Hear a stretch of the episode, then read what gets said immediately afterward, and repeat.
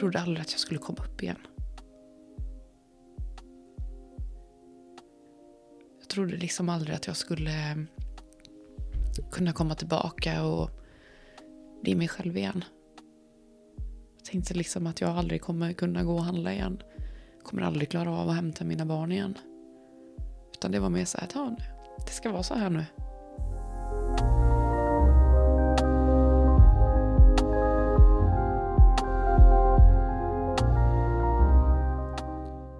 I den här podden möter vi Ida. Hon arbetar, har två små barn, man, hus och livet går i 180.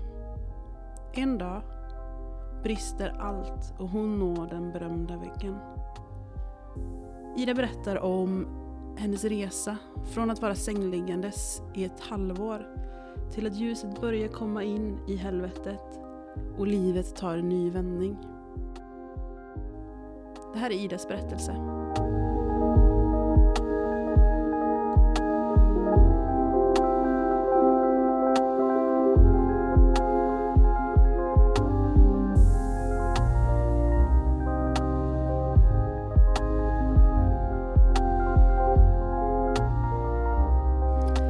Nu eh, närmar det väl sig fyra år sedan i alla fall. Eh, jag hade det ganska tufft. Eh, dels så var det jobbigt hemma. Vi hade det tufft i familjen. Ehm, med eh, barnen framförallt. En utav dem. Så det var mycket tjafs, mycket tjat, mycket bråk. Så det tog ju mycket tid och energi framförallt. Sen eh, hade jag jättemycket på mitt jobb. Jag körde taxi då. Och ehm, jag gjorde ju en... Jag läste ju till, till eh, trafiklärare 2017. Bilskollärare då. Och trivdes egentligen väldigt, väldigt bra med det jobbet. Men så hade vi det som sagt ganska så tufft hemma. Och jag var ju borta större delen av dagarna. Jag var nästan aldrig hemma före halv sju i alla fall. Så jag åkte vid halv sex på morgonen och var hemma halv sju. Så det blev att jag träffade ju inte barnen så mycket. Så jag, både Jonas och jag kände, ja min man då, Jonas. Mm. Vi kände att nej men det här är inte hållbart, vi behöver ändra vår livssituation. Det fungerar inte som det är nu. Dels så behöver jag vara hemma mer och vi behöver vara mer närvarande hos barnen. Och då mm, gjorde jag ett aktivt val att säga upp mig från den trafikskolan jag jobbade på i Göteborg. Och började köra, köra taxi då. Och taxi har jag haft bakom mig sedan jag var 21. Så det är ju något som jag alltid har kommit tillbaka till på något sätt. Men så jag började köra och ehm, hade väl tänkt att jag kanske skulle jobbat, ja men säg 75-80 procent. Var min tanke. Men eh, det blev bara mer och mer och mer. Och sen slutade det med att jag jobbade kanske en 12, 13, 14 timmar om dagen jämt. Och helt plötsligt så blev det att jag var ju borta ännu mer än vad jag var innan. Och det var ju inte min tanke. Jag kunde oftast hämta barnen vid fyra, men sen skulle man iväg igen. Det kunde vara någon hämtning på flygplatsen eller vad det nu var. Och ehm, mitt, alltså, nu jobbade jag ju väldigt, väldigt mycket, men sen krånglade min bil väldigt, väldigt mycket. Jag var anställd av ett annat företag. Och då blev det att jag hade min bil här och hade min chef där borta. Och då blev det att jag tog ansvar väldigt mycket för den här bilen. Så var det strul med bilen så landade det på mina axlar. Och det var alltifrån att min parkeringsbroms frös och fick bärga bilen till att jag hade motorproblem. Och det blev en, en inre stress precis hela tiden när allting gick emot mig hela tiden. Dels långa arbetsdagar. Sen jag vet inte hur många gånger jag hade bilen inne på verkstad och fick ta en annan bil därifrån för att det var strul. Och jag tror sista gången jag var på verkstaden, det var inte långt innan jag blev sjukskriven egentligen. Så jag körde in bilen i verkstaden som jag hade gjort. Och när jag gick därifrån så brast det fullkomligt. Jag blev så ledsen och det var... Alltså ledsen av ett, vad ska man säga? Jag har svårt att hitta ett bra ord, men det var dels att man kände att man hade ett ansvar på sig precis hela tiden och man ville liksom prestera. Man ville köra in så mycket pengar som möjligt. Samtidigt som man hade en tvivlan till att man inte fick tid hemma. För jag vill väldigt gärna prestera med det jag gör eller så med det jag jobbar med. Jag tycker om att ligga i framkant. Eh, men det blev, det blev för mycket. Det liksom, eh, jag orkade inte mer. Och jag vet att jag hade ju... Det har jag ju förstått senare att jag har haft problem med ångest större delen av mitt liv egentligen. Men aldrig förstått vad det är och hur det ter sig. Och det förstod jag i samband med detta egentligen att det jag kände, den här pumpen som hela tiden gick jätte, jättefort inom mig. Det var ju inte bara av stress och allting, utan det var ju min ångest också. Så det blev liksom, ja vad ska man säga, det blev för mycket. Och jag, och jag orkade inte mer, kroppen bar mig inte mer. Var du trött eller hur kände du dig liksom fysiskt? Alltså det var nog nästan tvärtom, att jag inte var trött. Jag sov inte, jag hade svårt att äta, jag kunde aldrig komma ner i varv. Jag kunde liksom vakna två timmar, ja men när jag väl hade somnat så kunde jag vakna efter någon timma och kolla på klockan om jag, det var dags att gå ut och starta bilen eller bara kolla igenom persiennerna, var det frost ute? Tror jag för att jag får igång min bil idag? Kommer jag härifrån idag? Och det är liksom... Nej men det, det blev en sån fruktansvärd stress att jag tvärtom, jag sov aldrig. I stort sett. Jag fick så lite sömn så att jag var nog på högvarv precis hela tiden.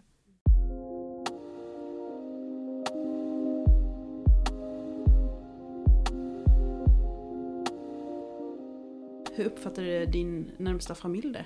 Som du bodde tillsammans med? Märkte de av det? Ja, men det gjorde de. För att jag var nog... Alltså jag har ju så svårt att förstå det idag, men jag var ganska arg, bitter, irriterad. Ständigt på spänn. Käftade emot. Liksom högg ifrån. Och eh, det tyckte ju inte jag, men eh, dels min familj där hemma som jag bor med, de märkte ju givetvis detta för att de tyckte att det var så tråkigt, mina barn, att mamma alltid är arg. Och eh, min man fick också ta ganska mycket onödig skit.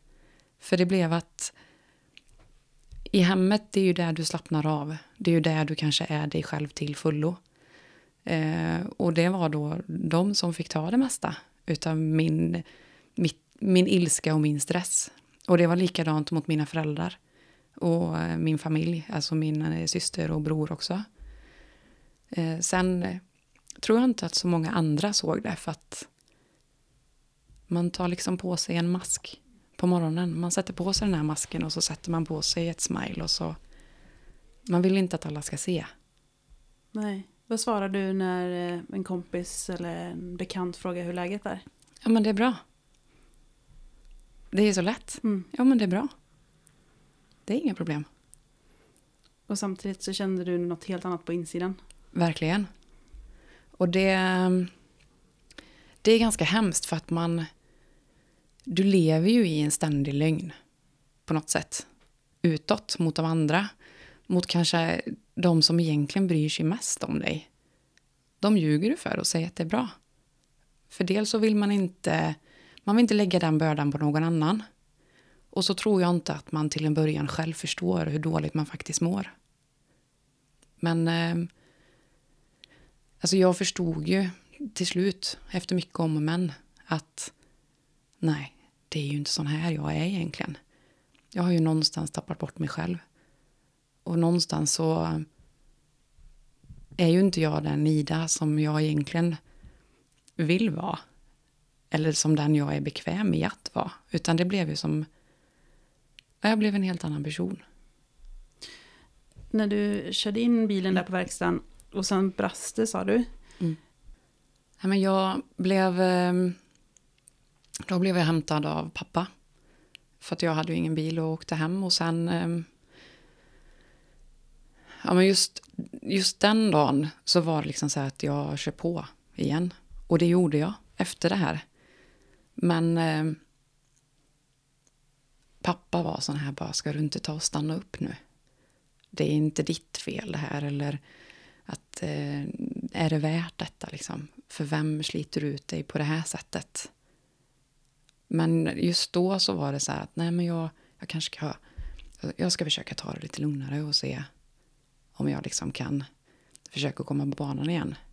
Men det gjorde jag ju aldrig. Och det var då pappa liksom verkligen att nu, nu, är det, nu är det lurigt. Men jag förstod inte riktigt då. Jag borde kanske gjort det och jag förstår det nu. Att det liksom var verkligen en varningsklocka. Men eh, jag förstod inte det. Så jag körde på en stund till. En stund, är det en, en dag eller tre veckor eller är det... Eller liksom, vad har vi för tidsperspektiv? Nej men det är nog ett par månader i alla fall. månader, ja. Mm. För jag tror att det var inte kort därefter så skulle jag på music quiz på hotellet. Och hade jobbat 13-14 timmar den dagen också. Och så ville jag bara dit och vara lite social. För jag tyckte jag kände att ah, men det här, det är ju, det är ju trevligt. Och jag kommer dit och har andan i halsen och var i samma lag som syrran. Och eh, då hamnade... Dels så var det ett gäng som jag inte känner jätte, jätteväl. Jag känner till dem, men vi känner inte varandra. Och så hamnade vi i en i soffa. Alltså de hade ju två soffor mot varandra. Där man satt tre på varje sida. Så hamnade jag längst in i ett hörn. Och då satt jag där och kände hur mitt hjärta bara dunderpumpa.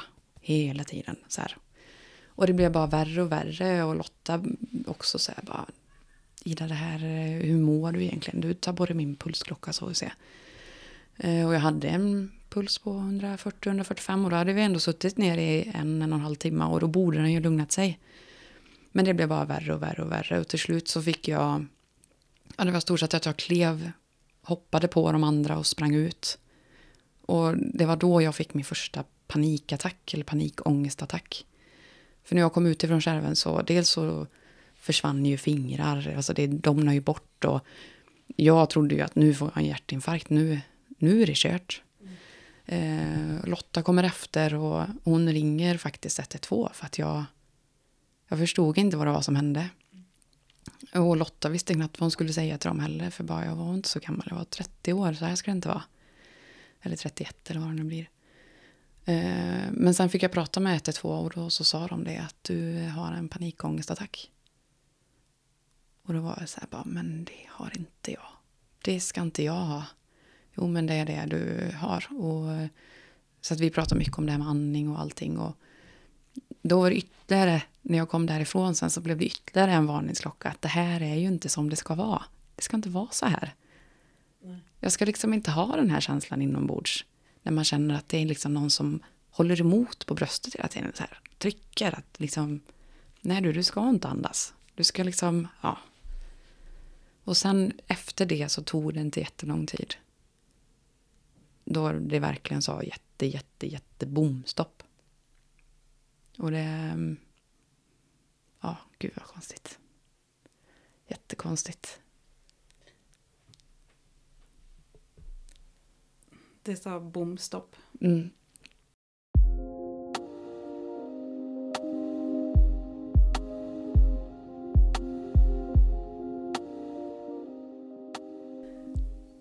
Det var en morgon som jag bara skulle ut och starta bilen.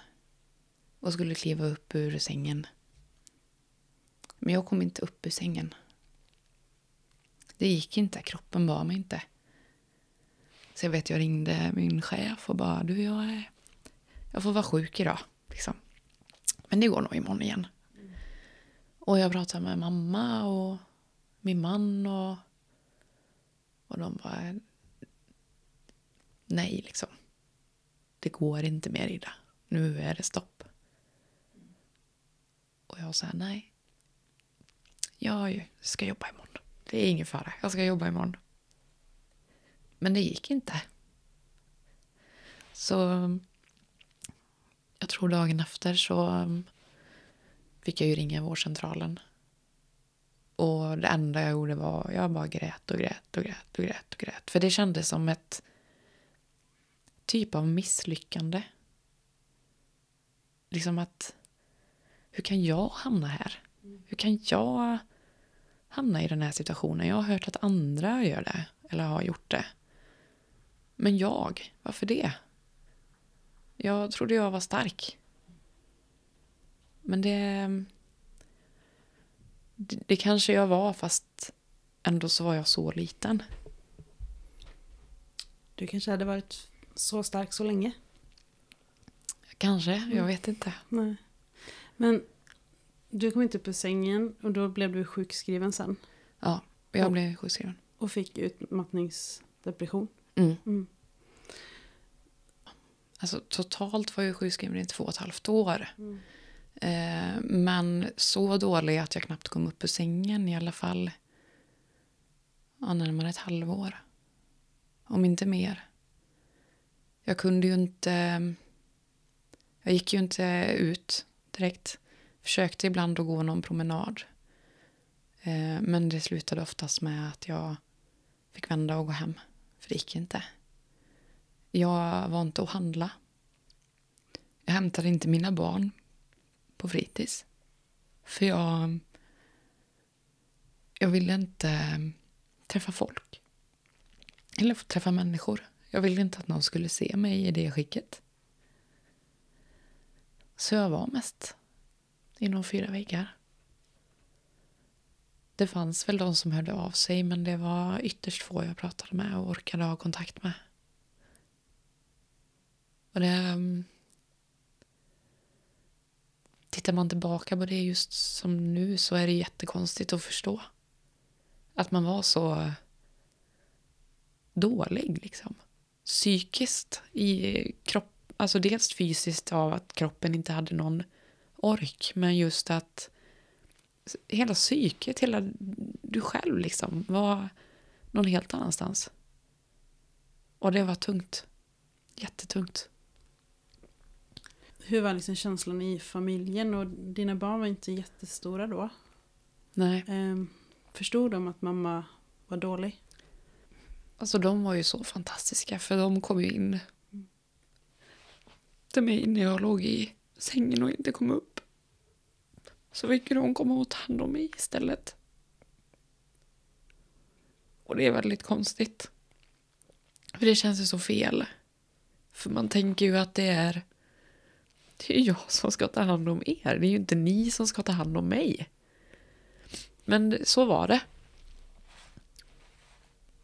Oh.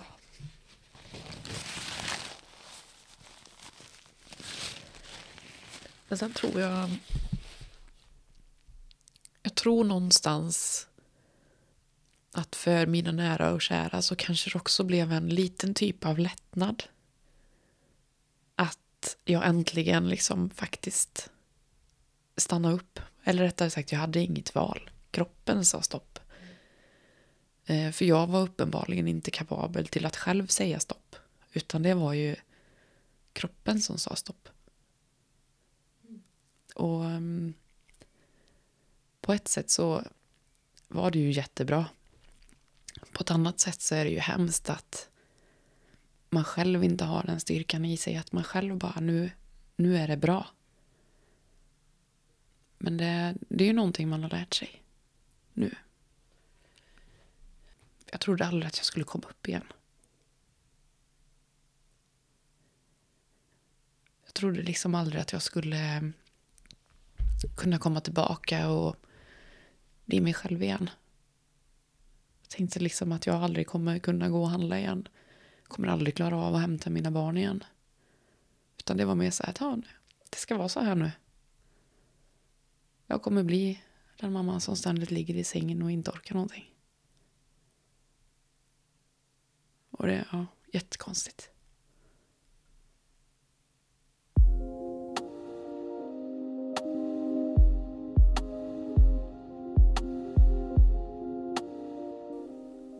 Att vara så maktlös inför sin egna kropp. Mm. Men som du säger, någonting hände ju sen. Mm. Något ljus kom in i helvetet. Mm. Jo, men det gjorde det verkligen. Ehm, jag har ju verkligen... Dels så har jag ju min svärmor att tacka för att jag är där jag är idag. För hon eh, hade hästar eh, ute på en gård. Så det blev att jag... Ja, det tog ett tag innan jag åkte dit. Men hon sa att du kanske ska komma hit. För djur har ju nästan en liten helande verkan eller så. Att det, närheten till djur är ju någonting som kan vara väldigt positivt. Så att jag började åka dit. Och förstod att det här var ju faktiskt någonting som var väldigt härligt. Och sen under tiden som jag var där så lärde jag känna de som bodde, dels eh, ja, han som äger gården och familjen där. Och fick som en till familj i mitt liv. Och jag var ju livrädd för kossor. För det är ju en bondgård, så att, eh, en bondgård med hästar också. Eh, och kossorna var ju fullkomligt livsfarliga, så det var jag ju inte till en början. Men eh, en av de som jobbade där, hon tog väl hand om mig. Och jag, ja, jag kommer aldrig glömma första gången som hon tog med mig ut i en hage och sa vi skulle bara hämta en ko som hade kalvat. Och hon så här bara, du kanske kan följa med. Nej. Jo, men du kan sitta i traktorn. Okej. Så jag följde med henne ut och när vi väl kom dit så sa hon att nej, men du kan inte sitta här, du får följa med mig ut i hagen. Nej, det var ju massa kossor där. Men jag följde med henne ut i hagen och blev ståendes mot en laggårdsvägg. Och innan jag visste ordet av så var ju hela den här underbara koflocken, de stod liksom verkligen runt mig. Och jag skriker bara, nu får du hjälpa mig! Och hon bara, det är lugnt, prova och se vad som händer om du tar ett steg fram. Okej, och då gjorde jag det. Och då backade ju de den är helt galen, det trodde ju inte jag skulle hända. Men då backade de. Och från och med den dagen så släppte ju min koskräck. Och det blev liksom att jag mer då allt eftersom eh, var med dem där ute och fick äran att vara med djuren och vara med i traktorn eller tröskeln eller väldigt mycket blandat. Eh, och helt fullkomligt på mina villkor.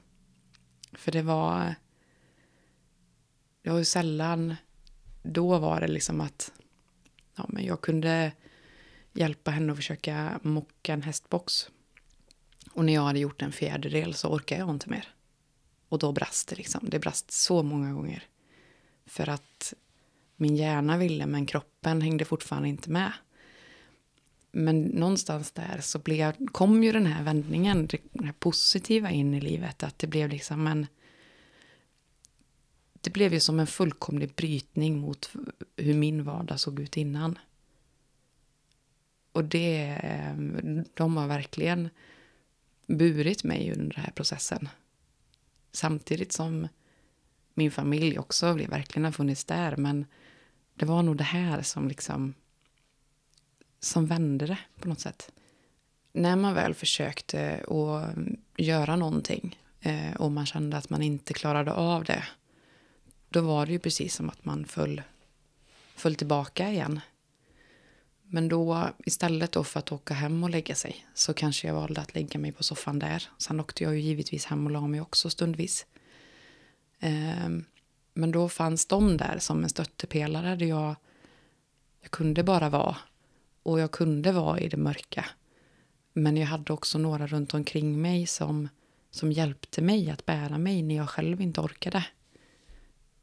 Och liksom de satte inga, bara det här att de har aldrig satt krav på mig. Det är ju jag som har ställt kraven på mig. Och det är någonting också fortfarande som jag tränar mig på, för det gör jag fortfarande. Det är som när vi ska städa eller vad som, och det var även under den tiden, att jag var som perfektionist. Allt skulle vara så tipptopp precis hela tiden. Och det är klart att då tar allt lång tid. Och jag blev aldrig nöjd. Men nu har jag liksom lärt mig att hantera att jag kanske ska sänka min nivå och faktiskt ta ett steg tillbaka och titta på det jag har gjort och bara, nej men det här blev ganska bra. Men framförallt så var jag inte hemma och hade möjligheten till min familj så var jag ju där och då var det de som bar mig. Även under de mörka stunderna.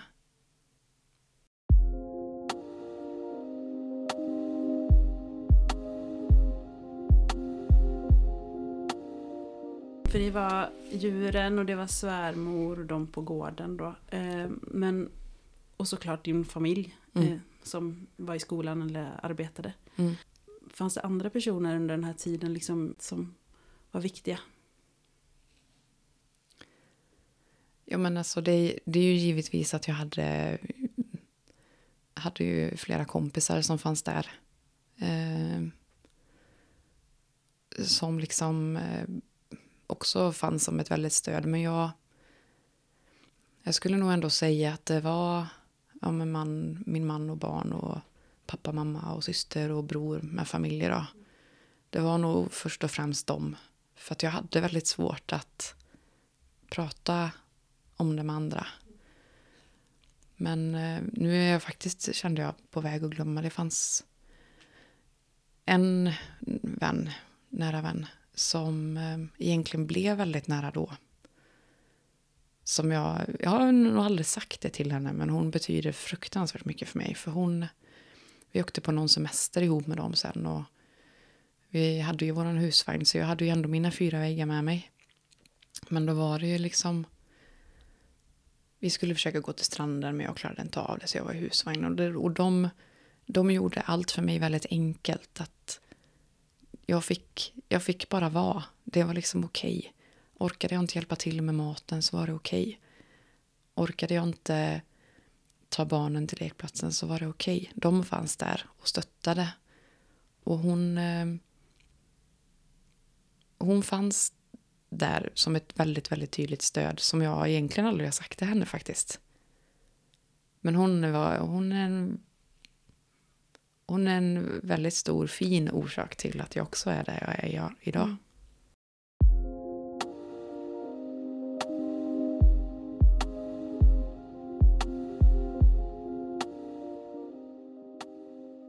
Livet innan och livet efter, eller det nuvarande livet. Mm vad är de största skillnaderna? Det är att jag är ja till 110 procent. Det skulle jag nog säga är den största skillnaden. Att jag känner att jag har släppt det här helt med att jag ska försöka anpassa mig till att vara någon som jag inte är. Så jag är ganska flum. Jag är ganska sprallig egentligen. Jag är inte så himla ofta arg. Det är klart det händer. Men det är sällan jag. Och nu känner jag att jag, jag verkligen har släppt mycket av det där. och känner att man får tycka om mig för den jag är. Och det är något som jag känner mig faktiskt ganska stolt över idag att jag hamnat i. För vi lever i en ganska ja, men, tuff värld där vi får mycket intryck ifrån sociala medier eller ja, men bara runt omkring oss som gör att det är precis som att någon säger till att du ska vara så här, du ska se ut så här, du ska ha det så här hemma. Men någonstans så har jag landat i att jag mår bra av att vara jag. Och jag ska inte behöva göra mig till eller ändra i huset för att någon annan ska tycka att jag är okej. Utan det är sån här jag är och man får tycka om mig för den jag är. Eller rättare sagt kanske acceptera mig för den jag är. För det vill jag, så tänker jag själv när jag träffar andra människor.